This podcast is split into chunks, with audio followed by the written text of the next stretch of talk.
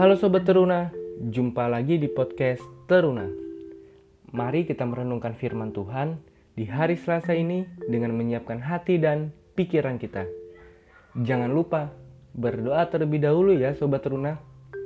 Pembacaan Alkitab hari ini terambil dari Yesaya pasal 53 ayat 6 sampai 9 dengan tema risiko menjadi pemimpin.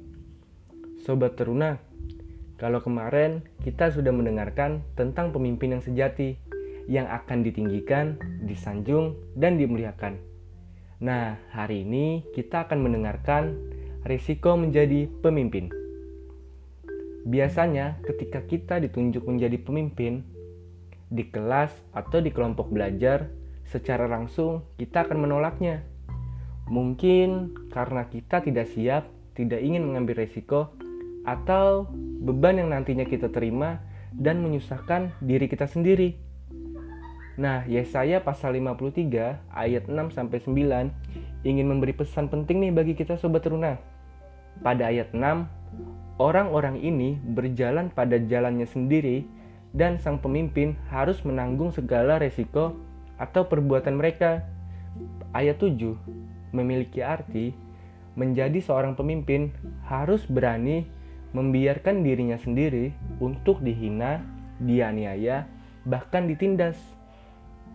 Ayat 8 memberikan pesan pada kita, hal ini membuktikan banyaknya orang yang tidak memikirkan kehidupan pribadi sang pemimpin.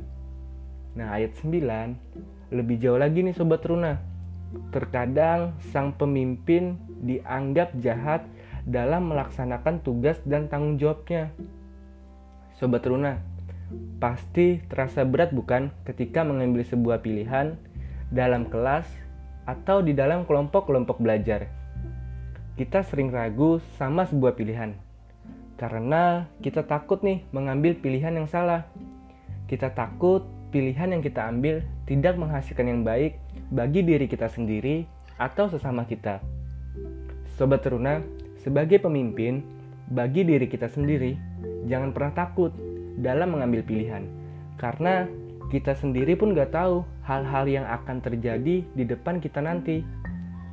Jangan pernah mengeluh akan beratnya tugas dan tanggung jawab, serta jangan pernah takut atas resiko-resiko yang nanti kita terima dalam menentukan pilihan-pilihan. Sampai jumpa lagi di podcast besok. Tuhan Yesus memberkati.